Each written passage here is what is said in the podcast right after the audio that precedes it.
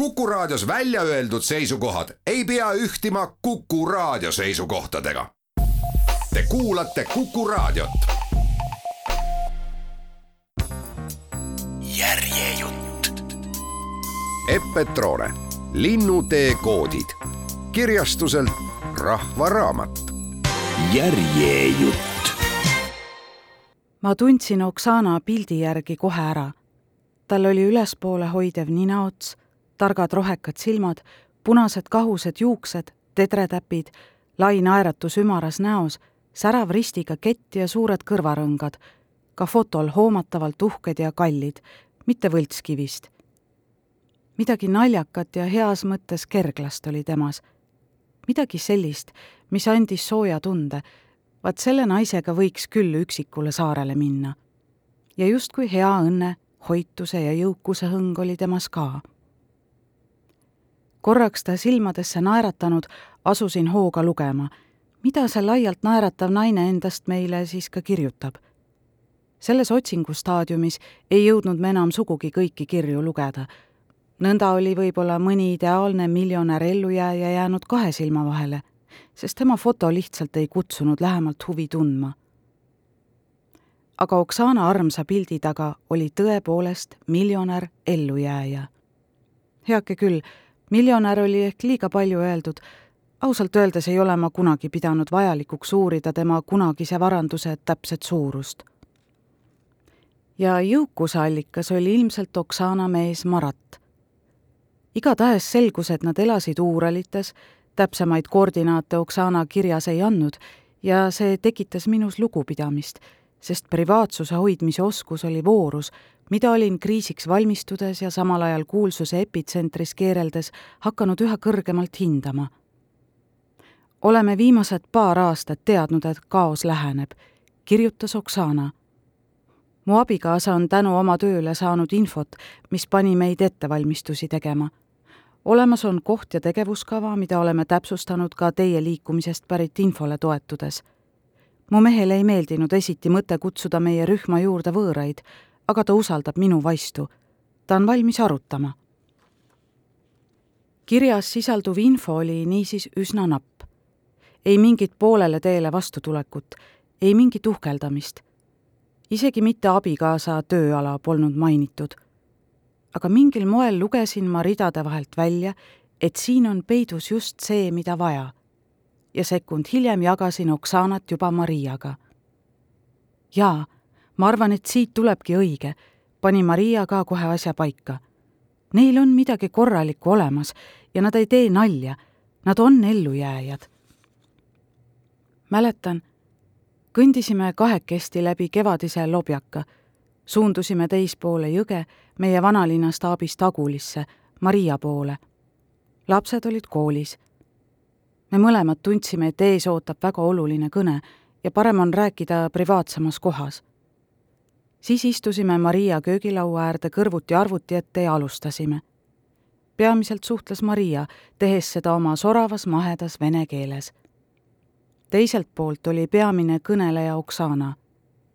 videoversioon temast oli just samasugune rõõsa ja positiivne, suure dekoltee ja laia naeratusega, nagu ta oli paistnud fotolt. Oksanaga jagas ekraani Marat turske olemisega tõmmu, turris juustega, mustas T-särgis mees sõjaväelane, nagu ma aimasin juba Oksana kirjast. ta mõjus sümpaatselt, aga kinniselt. oli näha, et ta ei usalda meid. kust ma tean, et see pole teie jaoks hoopis mingi kuulsuse ja meediaprojekt? jumala eest, ütles Maria kergelt, ei ole. see tegi Marati kuidagi relvituks. ta naeratas Oksana aga vehkis kätega teatraalselt oma mehe nagu tüütu kärbse poole ja rääkis. ütleme nii, kujutame ette, et meil on olemas ühes täiesti privaatses piirkonnas, meile kuuluvas kohas kõik, kõik, mis aitab meil pikka aega elus püsida. meil on juba teatud partnerid, kellega koos see baas on loodud, täiesti salaja. mehed ise oma kätega, oma masinatega. tundus, et Marat võis talle teisel pool ekraani jala peale astuda igatahes Oksana jäi poole sõna pealt vait ja lihtsalt naeratas meile. kas ma võin küsida, küsis Maria jälle endale omasel kergel moel. miks on teil meid juurde vaja? mina näen, miks meil on teid vaja, aga mis ajendas teid meile kirjutama? Oksana hakkas naerma. ma usun, et see oli vaist. tunne, et teie jõududega liitumine toob meile õnne. oh, Oksana, mina ei oska praeguse seisuga küll öelda, kas see otsus tõi sulle õnne. elus sa ju oled kuid kindlasti pole su elu siin selline, nagu sa oma pisikest mängumaailma ehitades ette kujutasid. aga Maratile vist meeldis Maria siirus, lapselikult otsekohene olek. rääkige endast veel, palus Marat lühidalt ja konkreetselt, kui ta naine vaikis. ja Maria rääkis. Kui Maria jõudis kohani, et oleks tore, kui tema lastel oleks ka vähemalt üks mängukaaslane, teatas Marat uhkusega meie rühmas on teine laps veel, minu sõbral ja ta abikaasal on laps. selgus, et sellel Uureli tüdrukul ja Maria tütrel on vanusevahet vähem kui aasta. mulle tundus, et see oli just täpselt see vajalik konks, millega Marat enese peas asja ära põhjendas. aga tegelik põhjus oli selles, et Marat usaldas Mariat igatahes saatsid nad veerand tundi pärast meie telesilla lõppu teate oleme edasisest arutelust huvitatud ja meie partnerid tahavad nüüd telesilda. vaid tunnike hiljem ajasimegi juttu juba uue paariga, ärimees Paveli ja medõeks õppinud Veronikaga. siis tulid lapsed koolist koju ja juba tiriti üksteise lapsi kaamera ette. vaat, tüdrukud, varsti kohtute. valus on praegu uuesti seda rada sammuda. Valus on mõelda, et just lapsed oli põhjus, miks nad meid enda juurde valisid kuid mingeid olekseid, polekseid pole muidugi olemas. lihtsalt ütlen, valus on. Oksana sulas tasapisi meie ellu. videokõnede vahendusel hakkasime kaardistama seda, mis seal salajases Uurali punkris juba olemas on ja mida on veel vaja. diiselgeneraator on, aga ma ütlesin, Marat, kui sina tahad olla vanamoodne, siis ole pealegi, aga mina saan vastutasuks päikese, vee või tuule nii et seal on elekter. on. natuke on. toidupunker on betoonist, maa all. seal on sundventilatsioon õhupuhasti juhuks, kui peame sinna elamiseks varjuma ja selle jaoks ongi elektrit vaja. Oksana oli mõnusalt asjalik. ta teadis kõiki süsteeme, tunnistas üles, et maailmalõpu teema oligi kõigepealt tema isiklik hobi ja äratundmine, kuni Marat kuulis töö kaudu, et et mida siis, küsisin et valitsus varjab midagi. valitsus varjab alati midagi, pistis Maria vahele ja naersime kolmekesti. see päris kõrge eliit valmistub tõsiselt, valmistub reaalselt pikaks ajaks maa alla peitu minema, jätkas Oksana. Me pole päris kindlad, aga see tundub olevat seotud kosmosega. komeedirahe ehk. Marat ei ole neid pabereid oma silmaga näinud, need on muidugi absoluutselt salajased, aga ta kuulis hiiglaslike betoonpunkrite ehitamisest ja tuli siis koju ja ütles, Oksana, sul on õigus, me peame kiiresti midagi ette võtma, enne kui hilja. ja siis me hakkasime otsima, kuhu saab osta maad kaugele eemale tsivilisatsioonist. Ja mulle tuli nägemus, et tuleb leida ilus looduslik koobas kusagil mägede sürgmetsa sees jõe lähedal, sest ega inimesed saa ju kogu aeg punkris elada punker on ikka toiduladu ja hädaolukorras varjumiseks. siis kuulsin teie liikumisest ja plaksutasin sisimas. maailm saab päästetud. mõistus hakkab pähe tulema, süda hakkab koju tulema. Ma austan väga seda, kuidas teie Venemaad austate ja kuidas te kogu maailma ees selle oma konverentsil välja ütlesite. Venemaal on potentsiaal. Teil on õigus. Vene hing on suur ja Venemaal on veel loodust alles. palju loodust on alles ja teie võite arvestada minu igasuguse toetusega. kui on midagi vaja, kui vajate rahalist abi siia jõudmiseks, siis öelge vaid. Diego-sugune valgustaja peab ellu jääma. Piidlesime Mariaga õrnalt teineteist ja muigasime. lubasime Oksana tervitused ja komplimendid Diegole edasi anda. videokõnesid pidasimegi peamiselt meie kolm. Diego ajas omi asju ja Marat omi. meie, naised, tõmbasime niite ja punusime pesa kaugele kõrgele mägedesse. ka Veronika lõi paar korda telesillal kaasa. ta oli armas, aga vaiksem. Oli näha, et nende kahe naise suhe oli paigas. Oksana oli see, kes säras ja domineeris. Veronika ei olnud ilmselt kuigivõrd nakatunud ellujäämispisikust, aga oli samas kuulekalt kaasa kulgemas ja rahulikult jälgimas, sest peale raha polnud kaotada midagi. aga seda tundus ka nende perel olevat küllaga midagi polnud tegelikult rumalalt kulutatud ka eelmise maailma mõõdupuid kasutades, mõtlen ma praegu, siinsamas enda ümber ringi vaadates. ma nägin unes ka seda, kuidas me oma koha üles leiame, jutustas Oksana. tuli lihtsalt drooniga jõgede kohal filmida, kuni märkame kusagil koopasuud ja leidsime. leidsime omanikud, ostsime suured lahmakad metsa, tegime tee, see on absoluutselt salajane, ametlikel kaartidel seda pole kui aeg on minna, siis me kaome süsteemidest. Marat lahkub, mõistate, kaob, me oleme teinud valiku ja investeerime praegu sellesse valikusse. soovime hoolitseda enda ja oma pere eest. on teil lasteplaani? taipasin samal hetkel, et see küsimus võib teha Oksanale haiget. samas Oksana tundus nii avatud ja armas, sedasorti inimene, kellelt saab kõike otse küsida ja ta vastaski otse. loodan, et mägedes tuleb. Minu plastiktorudesse on igatahes kaasa pakitud kõik sünnituse ja beebinduse kohta igaks juhuks. ja meil on korralikud lademed marlit, neist saab vajadusel mähkmeid teha. Veronika on meil muide medõe haridusega, isegi praktiseerinud enne, kui mehele läks. nii et loodan küll, et saame veel kõik palju lapsi Oksanas oli midagi uskumatult uljast ja samas täiuslikult loogilist. Ega siis tühipalja maailma lõpu pärast saa naine jätta lapse plaanimist, eriti selline naine, volüümikas, viljakas, värviline ja rõõmus. vahel mõtlesin, miks Oksana meid küll nii väga usaldas, miks tal meid ikkagi vaja oli.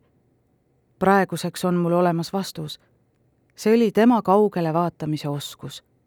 ta oli jõudnud arusaamiseni, mida tal jõuka inimesena oli muidugi lihtne teha, et rahal pole tegelikult väärtust. Väärtus on plaanil ja selle elluviimise energial. ta oli selleks hetkeks suutnud juba uskumatult palju ära teha, jõudnud reaalse punkrini, mida peitsid suured metsamassiivid. tubli töö. aga ta vajas järgmist tasandit, vaimuinimesi, sest selleks hetkeks domineeris tema unistusest ellu manatud tulevases laagris sõjaväeline energia Oksana teadis, et ainult niimoodi ellu jääda ei saa. Niisiis kohtusid Oksana kaudu meie ellujäämispesas militaarmaailm ja vaimutarkus.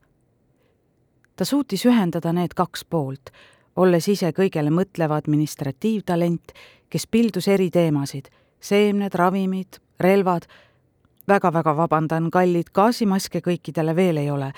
ma ütlesin juba, Marat, hangi meile maske juurde mind lummas see, et Oksana ei tundunud üldse kartvat. Talle oli maailma lõpuks valmistumine nagu kodu mängimine. mäletan meie lahkumishommikut kui eilset päeva, ilmselt isegi paremini kui eilset päeva siinses luitunud rutiinis. me elasime veel selles eelmises maailmas, aga samas ei elanud enam ka. maailm oli hakanud meie enda silme ees muutuma, tasapisi ja siis aina kiiremini väga imelikul moel. Robotitest ja mikrokiipidest ma juba kirjutasin, aga see polnud sugugi kõik. iga päev tuli meie sinistele ekraanidele uusi uudiseid, mis oleks veel nädala eest tundunud uskumatud. kiirelt levisid üle planeedi uued viirushaigused, seda nii inimeste vahel kui infoviirustena ja ka mingis kummalises uues kombinatsioonis, kus enam ei saanudki aru, kas on saabunud haigus või kuulujutt haigusest kehtestati liikumispiiranguid nii inimestele kui infole. kogu selle segaduse tõttu vallandus palju pankrotte, nii inimestevahelistes suhetes kui ärimaailmas. paljud varem enam-vähem toimivad suhted lendasid vastu taevast. aina rohkem tekkis vihaseid inimesi, kes vanamoodi ei saanud ja uutmoodi ei osanud. inimesed ründasid üksteist ja samamoodi riigid. hõõrumised pöörasid sõdadeks meie planeeti ümbritsev energia oli täies ulatuses muutumas. oleks pidanud olema kurt ja pime, et seda mitte märgata. eks neid kurte ja pimedaid muidugi jagus. olen ju teile jutustanud neist laadijate ja siniekraanide sõltlastest, kes ei suutnud märgata ümbritsevat suurt pilti.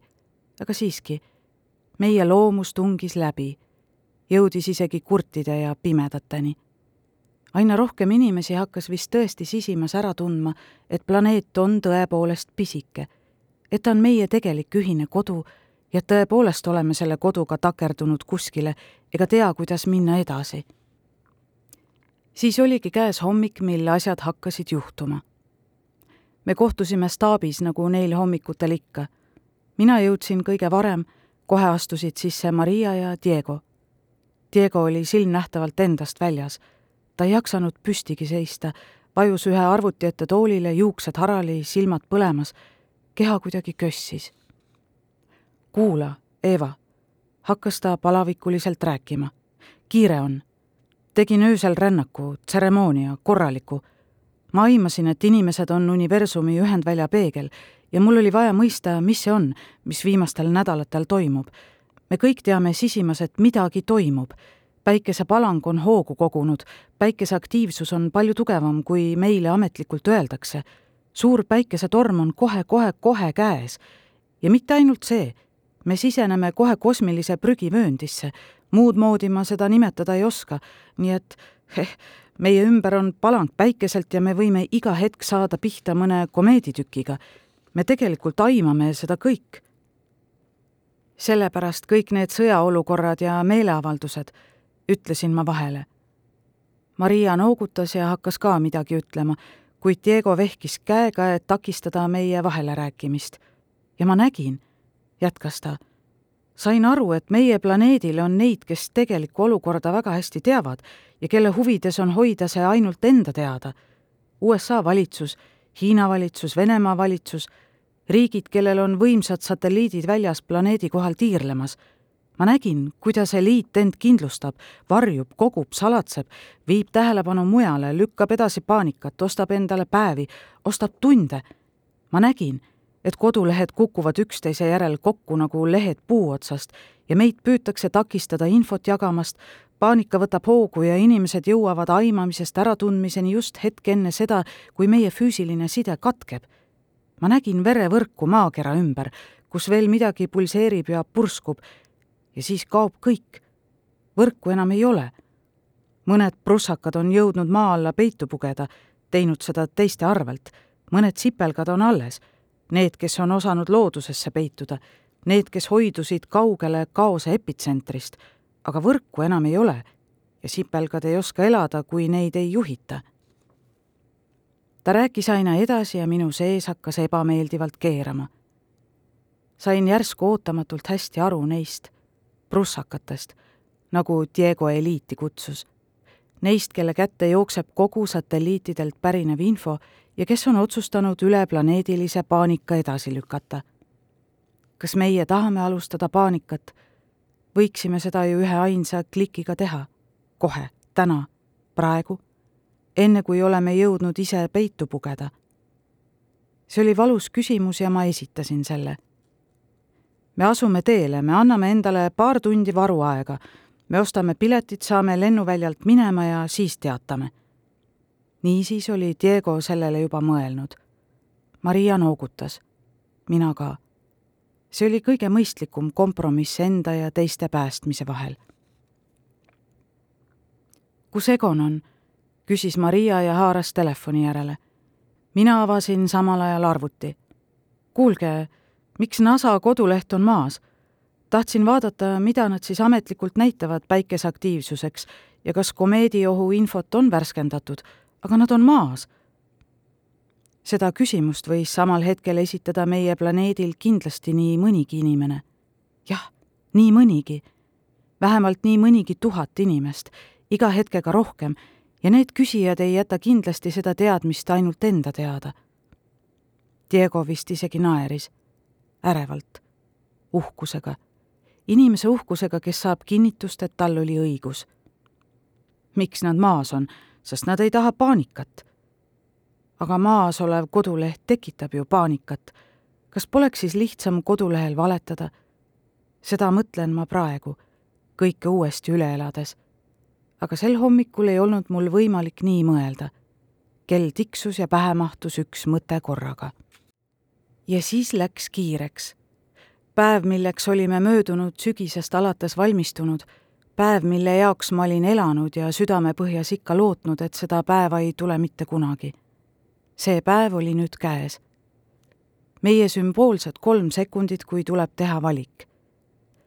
Maria oli vahepeal Egoni kätte saanud, ta ilmus kiirelt välja ja asus meid juhendama. Saatis Maria lapsi koolist ära võtma ja käskis Oksanal meile ruttu piletid broneerida. Diego, Diego. ta oli kadunud, ilmselt läks kasutama oma kolme sekundit, pakkima trummi ja väejoogivahendeid. mina istusin samal ajal Egoniga taksosse sa ei küsigi, kas me ikka peame minema? küsisin. ei, praegu ma seda küll ei küsi, vastas ta lihtsalt. otsus on tehtud ja mina liigun ja milleks küsida? Ma tahaks uuraleid näha, päriselt ka. sain aru, et Oksana maksab tänased piletid kinni ja kohe-kohe oleme lennukis. minul rohkem pretensioone pole. Egon hüppas enda juures kiirelt taksost välja sisenedes suurde kortermajja ja tuli paar minutit hiljem koos hiiglasliku seljakotiga. nii ruttu, sul oli kõik pakitud. mul oli ammu kõik pakitud. ma ei imestanud enam millegi üle. Täiesti selgelt võis öelda, et Egon oli praktik ja mina lihtsalt suur sõnameister. minul ei olnud peaaegu mitte midagi pakitud. ma olin ju kogu aeg hõivatud teooriaga, võrgustikuga teel edasi minu maja poole kaalusin oma kolme sekundit. kas lasen taksol ära minna ja kutsun Egoni üles ühes tema suure kotiga või jätan takso koos Egoni ja kotiga alla tiksuma ja jooksen üles? Läks hoopis kolmandat moodi. Kui me maja juures peatusime, teatas Egon, et me läheme koos üles, alla jäid taksojuht ja suur kott. mul on pakkimata, ütlesin talle liftis. ma arvasingi, sellepärast tulingi A. tundsin mingit kummalist apaatiat. peas vasardas ainult üks mõte. kas ma võtan sülearvuti kaasa? milleks? kas paadiankruks? Me kindlasti olime sellest kunagi varem kõnelnud, aga oma toas seistes valdas mind täielik tardumus, mõtteplokk. kus su pass on? küsis Egon asjalikult. seda ei tohi maha jätta. kas see on su kott? mis siin sees on? kas see kõik jääb? riided jah, just. mu käed värisesid ja ma olin pahane, et Egon näeb mind sellises kentsakas olukorras ja pahane enda peale, et ma sisimas ei suutnud loobuda. Minu lapsepõlvekodu. ma olin siin alati elanud, koos emaga kuni ta surmani. minu aknaklaas, mille vastu ma tähti vaadates põse surusin. minu meri ja katused ja puuladvad. minu kodulõhn. ja mu toalilled võtsin kannu ja asusin neid kastma, veel viimast korda hoolega uputades endal pisarad jooksmas. teadsin, et see on ajaraisk, need taimed pole enam muud kui asjad, millest loobuda. Kuid miski minus uskus, et neile on seda vett vaja ja kusagil läheb nende lugu edasi. kõik jääb kusagile alles. jah, mul oli kolm sekundit, tegelikult vist kümme minutit ja ma valisin lillede kastmise tahaksin praegu libistada käe läbi nende lillede. kus nad on? mis neist sai? Neid ei saa enam olemas olla, aga ikkagi ma tean, et nad on. Egon tuulas samal ajal mu köögis ja kappides, pani veel midagi mu seljakotti. olin talle südames tänulik. küllap oli mul nüüd korralik matkavarustus koos. ah jaa, ulatasin Egonile enda tehtud plastiktorud täis käsiraamatute väljatrükke see oleks olnud küll ame, kui oleksin need maha jätnud. minu panus tsivilisatsiooni info salvestamisse. arvuti? küsis ta siis. naeratasin läbi pisarate. Korraks jäid meie pilgud teineteise kinni ja mulle tuli kusagilt õige vastus. jaa, arvutit on vaja. ma pean lennukilt maha tulles Foorumisse postitama, meie sümboolse kella nulli panema, nii-öelda paanika alustama Egon pistis arvuti ette juhtuvasse kilekotti. see detail jäi mulle meelde kui üks neist sürridest hetkedest sel kentsakal päeval. Telefon helises. kas te olete poole tunni pärast lennujaamas? küsis Maria. Kiiremini oleme, lubas Egon. siis olime juba uksest väljas ja ma ei leidnud võtit. hakkasin seda masinlikult otsima ja siis taipasin. Egon, ma otsin võtit. istusin korteri ukse ette trepile kilekotti pandud arvuti kõrvale ning nutsin ja naersin. ma tahtsin ust lukku panna ja otsisin võtit. taksos naersin natuke veel, kui tuli meelde, et telefoni laadija jäi ka maha ja ma märkasin, kui ärevaks see mind korraks tegi. siis olime lennujaamas, seejärel lennukis, siis uues lennujaamas. kogu teekonna vältel otsisin enda sees rahu ega tahtnud teha lahti ühtegi avaust, kust info võiks sisse pääseda. keskendusin ainult rahulikule hingamisele, sisse ja välja, sisse ja välja. ega saanud vahepeal aru, kas magan või olen üleval, ei saanud ka aru, kui kaua see reis kestis kuidas läbisime passikontrolle, ootesaale, koridore. olin korraga justkui unes ja hullumiseni endast väljas. kõik toimus ühtaegu aeglaselt ja kiiresti. vaatasin vahepeal ringi ja tundsin, kuidas ärevus tuleb tagasi kohe, kui luban teised enda kaitsekilbist sisse. tundus, et ümbritsev lennukirahvas polnud ka päris tavaline. paljud rääkisid omavahel vaikselt sordiini all, pinges tabasin stseene, mis siiani mu sees virvarritavad, kui luban endale naasmist sinna päeva, sinna lennukisse. Maria hoidmas kramplikult oma tütre käest. Diego vaatamas karmil tardunud pilgul lennuki aknast välja, järsku häälekalt ohkamas. Egon mu pilku otsimas ja närviliselt naeratamas. mina silmi mujale pööramas, poisid eespool omavahel naermas, aga mitte vabalt, vaid samamoodi ärevalt rahu otsides. ma nägin justkui igal pool märke sellest, et me kihutame hukatusse. lennujaamas olid vastas elusuuruses Oksana ja Marat, täpselt sellised, nagu olingi arvanud. kohmakad kallistused, kiirus kuklas tiksumas. triivisime läbi rahva parkimisgaraaži poole, kui mulle ühtäkki meenus, oot, ma pean ju Foorumisse postitama käsi värises seal lennujaama aknalaual ilmavõrku minnes, meie kella nulli keerates ja kiirelt sõnumit postitades. tähelepanu, valmis olla, läks. tunnen süüd, kui seda meenutan. tegelikult oleksin pidanud tegema seda juba mitu tundi tagasi, kohe hommikul, aga meil oli ju endal vaja lipsata läbi võimaluse aknaprao ja teha seda enne, kui algab paanika aga see oligi ju raudne reegel elu enese hea ja kurja tundmise koolis. tuleb aidata ennast ja alles siis saad aidata teisi. kiirustasime Oksana punase lõvilaka järel hiigelsuurde halli džiipi, kus oli täpselt nii palju ruumi, et keegi võis end sinna veel pigistada, aga mitte meie kõik, sest masin oli otsast otsani kraami täis. Oksana polnud vahepeal sekunditki raisanud. siin on veel viimane varustus, teatas ta koju ei pea me enam sõitma, asume kohe teele ja kohe jõuavad Pavel ja Veronika oma džiibiga siia. ootamine polnud sel hetkel sugugi hea tegevus. mu sees pulbitses kärsitus, kihises miski, mis ajas lausa iiveldama. me oleme nüüd siin, ühe tundmatu suure linna lennujaamas, kõigi nende radarite ja lennujuhtimismasinate läheduses ja lihtsalt ootame teades, et umbes viis minutit tagasi lükkasin ma meie kodulehel kella nulli, teades väga hästi, et meil on tohutult jälgijaid üle kogu planeedi ja väga palju ka siinsamas Venemaal.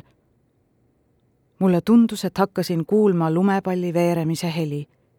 hakkasin aimama, et sellest pallist võib alguse saada laviin. ikkagi polnud me oma ajastust korralikult läbi mõelnud.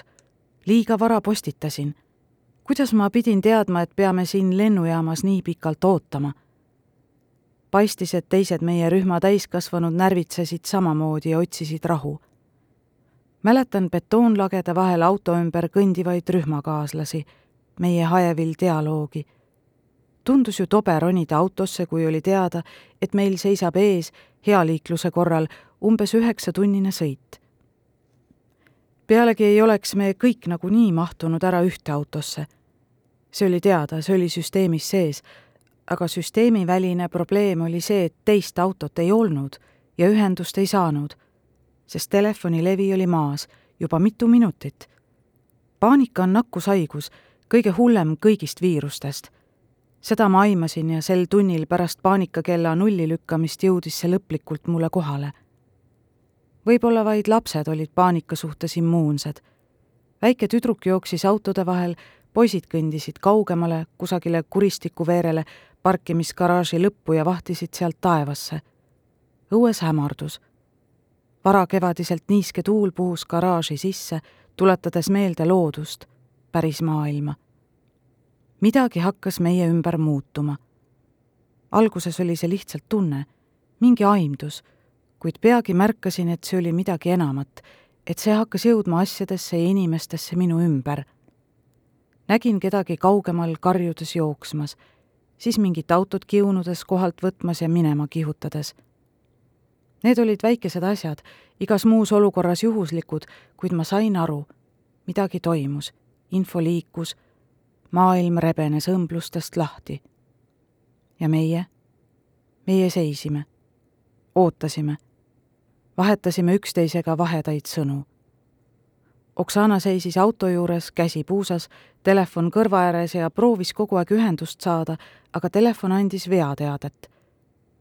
muidugi levi võis maas olla väga lihtsal põhjusel, ühendused olid ülekoormatud, just täpselt see, mille eest olime inimesi hoiatanud Marat tuhnis samal ajal kastides ja kottides, leidis raadiosaatja, patareisid mitte, ühendas saatja auto akusse, lõi auto käima.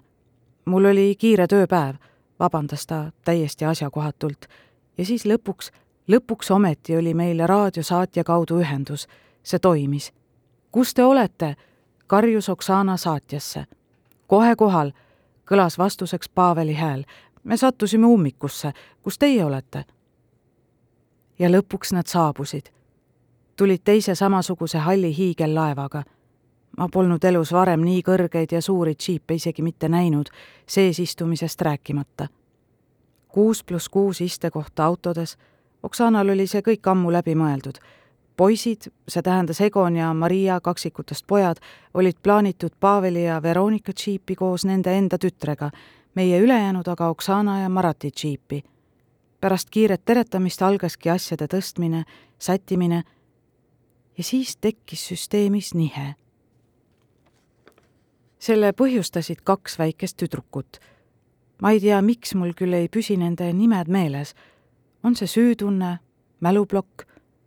mõlemad olid nii kuue-seitsmesed, jagamas ühist keelt, nägemas teineteist otse kui peeglist varem vaid video kaudu kõnelenud ja näinud teineteise mänguasju, saanud omavahel sõpradeks, nagu meie Oksanaga. Nad olid edasi sõbrunenud meie paanikaminutite ajal ja nüüd tahtsid nad koos sõita. Mamma, me tahame olla samas autos, me tahame kõrvuti istuda.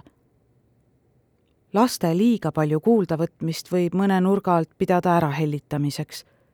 kuid see on vaid üks võimalus olukorda tõlgendada. ärahellitatud lapsuke tahtis aga tol hetkel ei kõlanud see küll nii. see kõlas hoopis nii, nagu süsteemi nihe peakski just nõnda juhtuma.